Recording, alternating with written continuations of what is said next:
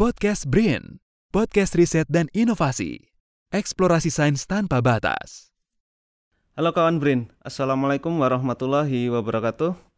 Selamat datang dalam podcast Badan Riset dan Inovasi Nasional. Perkenalkan, nama saya Arif Imam Nugroho, akan memandu rangkaian podcast episode Teknologi Radioisotop dan Radiofarmaka.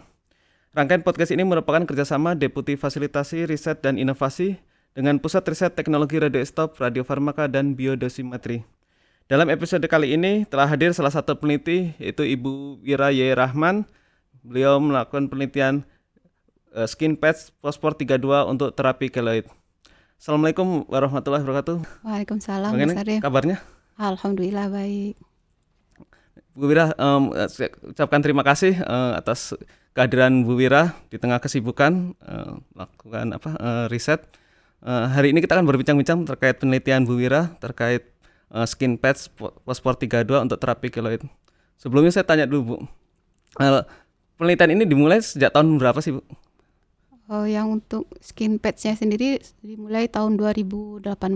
Skin patch-nya sendiri ya? Ya, skin Oh. patch-nya sendiri. Tapi untuk uh, radioisotopnya sudah ada di tahun 2012. Hmm, 2012 sudah mulai Sudah mulai penelitian terkait fosfornya ya? Fosfornya, 32-nya 32. ya. Nah, ini kan keloid ya Bu ya, fosfor skin patch fosfor 32 untuk terapi keloid. Nah, itu kenapa keloid Bu? Bisa dijelaskan? Kan keloid kan orang cenderung apa ya, eh, tumbuhnya apa ya ketidaknormalan di kulit gitu ya, akibat luka gitu ya. Itu kecenderungannya kasus di Indonesia termasuk banyak atau gimana Bu? Kalau di data di kedokteran nuklir cukup banyak ya. Kemarin tuh saya dapat info dari dokter Basuki itu ada 45 pasien yang sudah antri gitu. Tapi karena keterbatasan radioisotop fosfor 32 ya kita belum dapat mensuplai ke sana gitu. Jadi sebenarnya masalahnya eh, keloidnya hanya estetik aja tuh ya, Eh, kan ada ketidaknormalan di kulit atau bahkan sampai mengganggu atau apa ya mengurangi kualitas hidup seseorang atau Eh, sebenarnya eh, keloid itu sama seperti kanker ya. Karena dia eh, si selnya itu bertumbuhnya cepat gitu. Kalau misalnya untuk orang yang itu dia akan merasakan eh, nyeri, gatal, terus juga eh, kaku di sekitar jaringan yang tumbuh keloid. Terus si secara estetika juga tidak elok ya dilihat ya. Eh, seperti daging tumbuh Oh, gitu. Nah, sebenarnya antar orang antar orang tuh kan berbeda ya. Ini kecenderungan kayak keturunan ya, Bu. Ya, Bener nggak sih keloid ini tuh, karena ada eh, orang yang bakat keloid, orang kalau bakat menyanyi, orang Iya. senang dia bakat musik senang ya. Ini bakat keloid. Nah, ini memang ada ada riwayat Iya. itu, ada keturunan. Rata-rata itu orang dengan ras Asia ya sama kulit hitam itu banyak yang menderita keloid karena itu kayaknya Oh, ada kecenderungan untuk iya, ras dari Asia gennya dan kayaknya, gennya. iya. Mm. Nah, selama ini sepetang, sepengetahuan Ibu untuk apa terapi keloid sendiri apa saja Bu yang sudah ada metode yang sudah ada saat ini? Nah, ya, di Indonesia tuh udah ada eh, terapi keloid itu di bedah ya, Operasi. di operasi Mhm. pengangkatan eh, Mhm. keloid, kemudian disuntik dengan kortikosteroid, Mhm. kemudian juga menggunakan krioterapi yang menggunakan nitrogen, gas nitrogen. Eh, kemudian ada lagi eh, yang terakhir itu dengan radioisotop fosfor 32 dikembangkan di kedokteran nuklir. Tapi rata-rata dari yang bedah Oh, yang metode suntik, yang sudah ada uh, saat ini ada uh, kelemahannya uh, atau- itu kecenderungannya tuh uh, dia akan kambuh lagi gitu karena yang diangkat itu bukan ya, karena yang di in- yang dihilangkan tuh bukan selnya tapi si jaringannya. Hmm. Uh, kalau menggunakan radioisotop fosfor 32 itu yang kita hancurkan itu selnya si sel yang um, menumbuhkan jaringan yang berlebih itu gitu. Nah, untuk tantangannya sendiri ya, eh, penelitian ini sulitnya dulu paling sulitnya ya di apa bu sampai apa ya nanti bisa digunakan itu? Hmm, sebenarnya kita sudah dapat ya prototipenya. Hmm. Uh, Saya boleh lihatin ya. Ini Ya. prototipe dari uh, uh, PET silikonnya. Isinya tuh uh, chromik fosfat. Chromik fosfatnya itu mengandung zat uh, radioaktifnya itu fosfor 32. Nah, ini tuh kalau dokter tuh tinggal dipotong, ditempel ke kulitnya udah jadi gitu. Tapi dosisnya fix. Maksud Hmm. itu dosisnya tepat gitu. Uh, Tiap orang untuk- pasti berbeda gitu ya. Nah, harus- tiap orang berbeda gitu. Nah, kalau misalnya eh keloidnya itu ketebalannya Hmm. eh, berbeda, bisa menggunakan larutan aja. Jadi tinggal ditetesin ke kertas saring kemudian ditempel gitu. Nah, kalau yang dalam bentuk larutan itu bisa terjadi kebocoran ketika diaplikasikan. Oh kelemahannya, kalau Kelemahannya eh, dalam bentuk cairan. Ya, gitu ya. tapi ketika kita menggunakan eh, pet Skin silikon, eh, pet silikon ini, skin pads itu, uh, relatif lebih aman karena tidak akan terjadi kebocoran gitu. Jadi kayak model plester kita di luka gitu ya. Jadi Ya. memang fosfor atau radioaktifnya sudah di terjebak ya sudah Di diinclude dalam di situ ya. iya. Jadi memang nantinya eh, produk apa produk riset ini tidak dijual bebas ya, tetap harus melalui eh, rumah sakit atau kedokteran nuklir gitu ya, Iya. karena ada radioaktifnya. Karena uh, dia tidak diproduksi massal ya. Jadi sesuai dengan kebutuhan dia misalnya ada permintaan dari rumah sakit untuk uh, terapi baru kita buat gitu. Nah, untuk saat ini uh, kendalanya ya uh, kita udah sampai ke prototipe uh, terus uh, perlu melakukan uji praklinis dan uji klinis. Kalau uji praklinis kita rencana menggunakan uh, sel lain aja karena Hmm. kita tidak bisa menggunakan hewan karena Hewan, hewan model. cobanya Oh, hewan model. cobanya yang hewan yang ada keloid itu agak susah ya agak untuk- susah Nah, gitu. iya. Sementara kalau untuk uh, uji uji klinisnya kita bekerjasama dengan rumah sakit gitu. Nah, ini kan menggunakan fosfor ya, Bu. Orang taunya radioaktif kan berbahaya apalagi ini nempel atau masuk ke dalam tubuh manusia ya. Ya. Itu keunggulannya fosfor 32 dibandingkan unsur radioaktif yang lain apa Bu untuk penanganan Hmm. keloid ini? Untuk P32 sendiri dia sebenarnya nggak masuk ke dalam tubuh ya. Iya, dia hanya, luar. dipakaikan di permukaan eh, di ya. permukaan, Hmm. jadi sifatnya topikal gitu. Dan kita menggunakannya itu juga tidak lama, hanya tiga hari gitu. Setelah tiga hari dibuka, kemudian kita lakukan pengamatan, bisa sampai tiga bulan. Kita lihat eh, terjadi pengurangan atau tidak di eh, si eh, keloidnya gitu. Jadi sebenarnya apa Bu yang be- bereaksi bekerja itu eh, alfanya, betanya atau Ada gamanya? kalau fosfor 32 ini dia pemancar beta ya. Beta. Jadi si eh, radiasi betanya itu akan menghancurkan Sel-sel sel fibroblast Mm. eh, pembentuk jaringan eh, pada keloid itu gitu. Jadi di tingkat sel dia sebenarnya di eh, bekerjanya gitu. Nah, P32 kan sebenarnya sudah bisa diproduksi sendiri ya. Ya. Sedangkan PET-nya juga sudah se- sebenarnya secara teknologi sudah mampu ya. Cuma Bisa memang eh di luar negeri sendiri status untuk penelitian sejenis gitu ya, skin patch menggunakan P3 itu ada yang sudah sampai berhasil atau sama dalam tahap pengembangan itu di luar negeri sendiri. Hmm, saya udah pernah baca yang di India ya. Ah, dia tuh juga udah bikin eh, PET silikon bertanda isotopos 32. Tapi secara komersil ya saya belum pernah lihat gitu.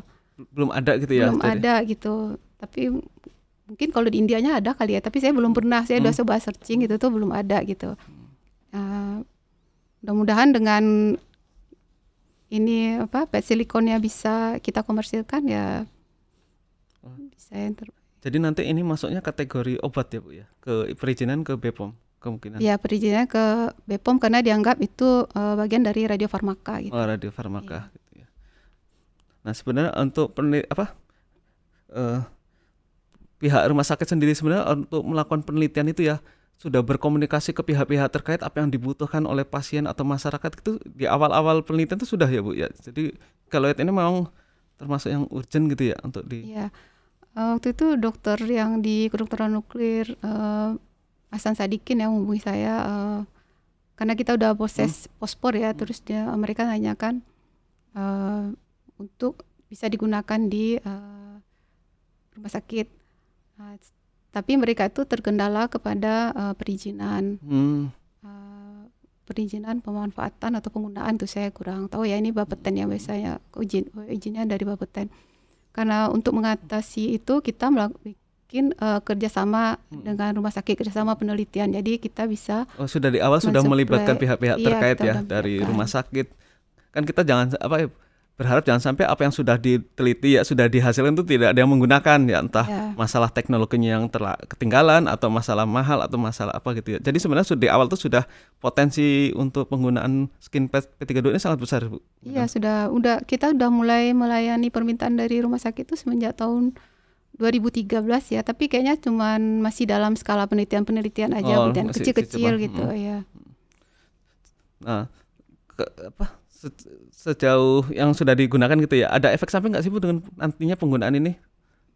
Kalau lihat dosisnya misalnya Hmm. untuk per orang kayak gitu. Ah, semuanya pasti ada efek samping Iya. ya. Heeh. Kalau dari yang sudah eh, yang dilaporkan sama rumah sakit, biasanya itu kalau dosisnya tidak tepat. Gitu. Hmm. Oh, masalah dosis Iya, aja. masalah dosis. Misalnya dia salah perhitungan gitu si Mhm. dokternya. Atau kita eh, pernah juga waktu itu kita salah uh, memberikan pH-nya ternyata masih asam. Hmm. Jadi mengakibatkan iritasi pada si pengguna Oh, kulit. gitu. Jadi si pospornya itu benar-benar uh, pH-nya itu pH netral, pH Hmm. yang uh, aman untuk kulit gitu. Baik. eh, nah ini sekarang status tinggal eh, sudah sampai prototipe ya bu ya. Ya harus sampai prototipe Nah terus untuk selanjutnya uji praklinis, uji praklinis. terus uji klinis, Uji klinis. kemudian registrasi. ya, nah, rega- terus- apa sertifikasi fasilitas sertifikasi. dulu. Oh, iya. Jadi uh, fasilitas pembuatan radioisotop pospor 32-nya harus tersertifikasi. Fasilitasnya sertifikasi di Ya. apa? Cara pembuatan obat cara yang baik pembuatan itu ya. obat Hmm. yang baik. Kemudian setelah tersertifikasi kita mengaj- me- mengajukan eh, data uji praklinis sama Hmm. data uji uji klinis. Hmm. Kemudian dari semua kelengkapan itu baru kita bisa mengajukan nomor izin edar ke Badan POM. Kalau kita sudah mendapatkan nomor izin edar, kita bisa eh, melakukan komersialisasi untuk Tapi mungkin nggak sih silikon. hasil penelitian ini prototipe ini kita serahkan pihak swasta nih untuk diproduksi massal masalah uji praklinis segala macam dilanjutkan Ah. oleh pihak swasta itu Bisa aja sih kalau pihak swasta ya, tapi ber- eh, harus ada kualifikasinya dia gitu. Misalnya kualifikasi bekerja dengan radioisotop, Hmm. punya sertifikasi SIB ya, SIB untuk bekerja dengan Proteksi sudah punya radiasi ya, proteksi radiasi gitu. Terus eh, juga Fasilitas. fasilitasnya, kalau fasilitasnya mendukung untuk bekerja dengan radioaktif ya nggak masalah gitu. Kemudian eh, izin butuh investasi yang lumayan ya seandainya ha- harus model begitu ya, ya. Terus Mungkin kali ya. perizinan, Ya, perizinan, perizinan, ya perizinan itu aja sudah membutuhkan banyak biaya ya. Oh jadi ini bu, eh, ini pospornya bu, maaf, Ya, ini pospornya. ya itu Nah, larutan pospor Larutan 32. pospornya nanti ditempel di, di apa sih namanya? Ditempelkan di skin patchnya, terus Ya. ditempel gitu ya. Jadi eh, dua ya Hmm. eh, produk yang kita hasilkan. Hmm. Satu dalam bentuk larutan, Hmm. satu dalam bentuk pet silikon. Keduanya bisa digunakan untuk terapi keloid. Nah, kalau yang larutan kita rubah menjadi eh, pads, kan dia dalam bentuk larutan, kita rubah menjadi pads itu dalam bentuk serbuk. Hmm. Eh, dalam bentuk serbuk itu dalam bentuk kromik fosfat. Hmm. Nah ini so- si serbuk kromik fosfat yang mengandung radioisotop itu kita gabungkan dengan silikon, kemudian kita cetak. Hmm.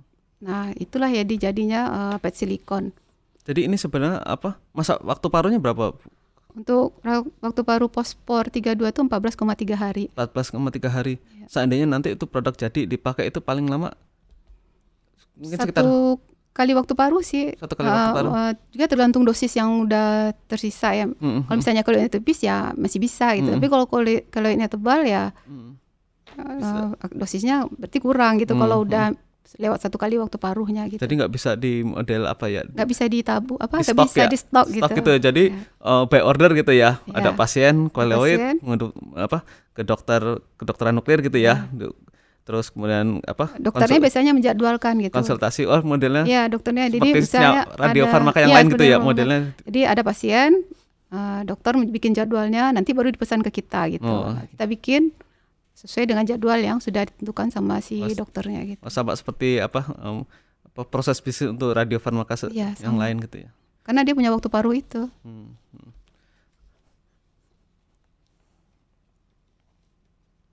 Nah, udah berarti eh, saat ini untuk proses tinggal menunggu praklinis, klinis itu aja ya penelitiannya.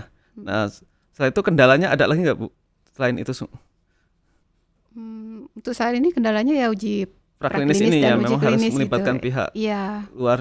Eh, sebenarnya kalau pihak luar saya juga kurang tahu ya bisa untuk uji praklinis karena mungkin eh, ada radioaktifnya itu gitu. Eh, kita sih bisa melakukan uji praklinis tapi dengan sel lain gitu. Hmm, Tapi kayak kalau untuk uji klinis tetap melibatkan dan rumah sakit. ya. ya, rumah sakit gitu. Baik, Bu Ira, eh, se- sebelum berakhir nih ya, mungkin ada yang ingin disampaikan terkait penelitian Bu Wira atau terkait eh, apa, eh, Iya. riset yang Eh, saya sih berharap ya prototipe yang sudah jadi ini eh, larutan pospor 32 maupun eh, PET silikon ini eh, bisa dituntaskan. Maksudnya tuh bisa sampai, Sampai kita mendapatkan eh, bisa digunakan masyarakat dalam bisa da- da- bisa dikomersialkan gitu. Eh, mungkin untuk eh, mengenai eh, pembiayaannya gitu ya uji uji praklinis. Kita mungkin memang harus kerjasama ya dengan uh, pihak uh, kedokteran nuklir uh, sama uh, itu apa, industri ya, rasa, ya mitra industri atau apa ya? Ya waktu itu kita udah menghubungi KF juga hmm. uh, untuk uh, uji klinis dan uji praklinis hmm. gitu. Kemudian kita juga kayaknya untuk mendapatkan sel lainnya. Hmm. kita juga harus bekerja sama dengan uh, waktu itu saya udah menghubungi pihak kedokteran UGM ya. Mereka hmm. mempunyai uh, sel lain untuk keloid gitu. Tapi kendalanya itu kita harus ambil sendiri ke sana hmm dan mereka nggak bisa ngirim karena iya, resikonya resiko ya uh, karena selnya bisa mati gitu. ya, karena harus menggunakan apa ya tim, oh, tempat penyimpanan khusus gitu ya, kan. penyimpanan khusus. jadi kalau menggunakan pihak ketiga pun kalau mereka nggak paham ya mati aja selnya oh, gitu iya. kan. Jadi masih panjang ya bu kalau kalau untuk komersial ya iya masih ya. butuh berapa tahapan lagi ya tahap uh, praklinis nih yang paling penting gitu karena belum ada datanya sama sekali tapi kalau untuk yang uji klinis sudah ada beberapa data tapi masih kurang gitu. Hmm. Baik uh, Bu Ira, terima kasih atas waktunya. Mudahan mudah-mudahan ini karena udah di ujung ya Bu ya. ya jadi hasil risetnya sudah apa sudah jadi prototipe tinggal ah dari ujung gitu ya. Mudah-mudahan lancar gitu ya. ya. Uh, sehingga bisa dimanfaatkan oleh masyarakat. Baik, uh, Demikian akhir dari obrolan dalam episode ini. Semoga diskusi ini dapat bermanfaat dan sampai jumpa pada episode selanjutnya. Salam eksplorasi sains tanpa batas. Podcast Brain, podcast riset dan inovasi. Eksplorasi sains tanpa batas.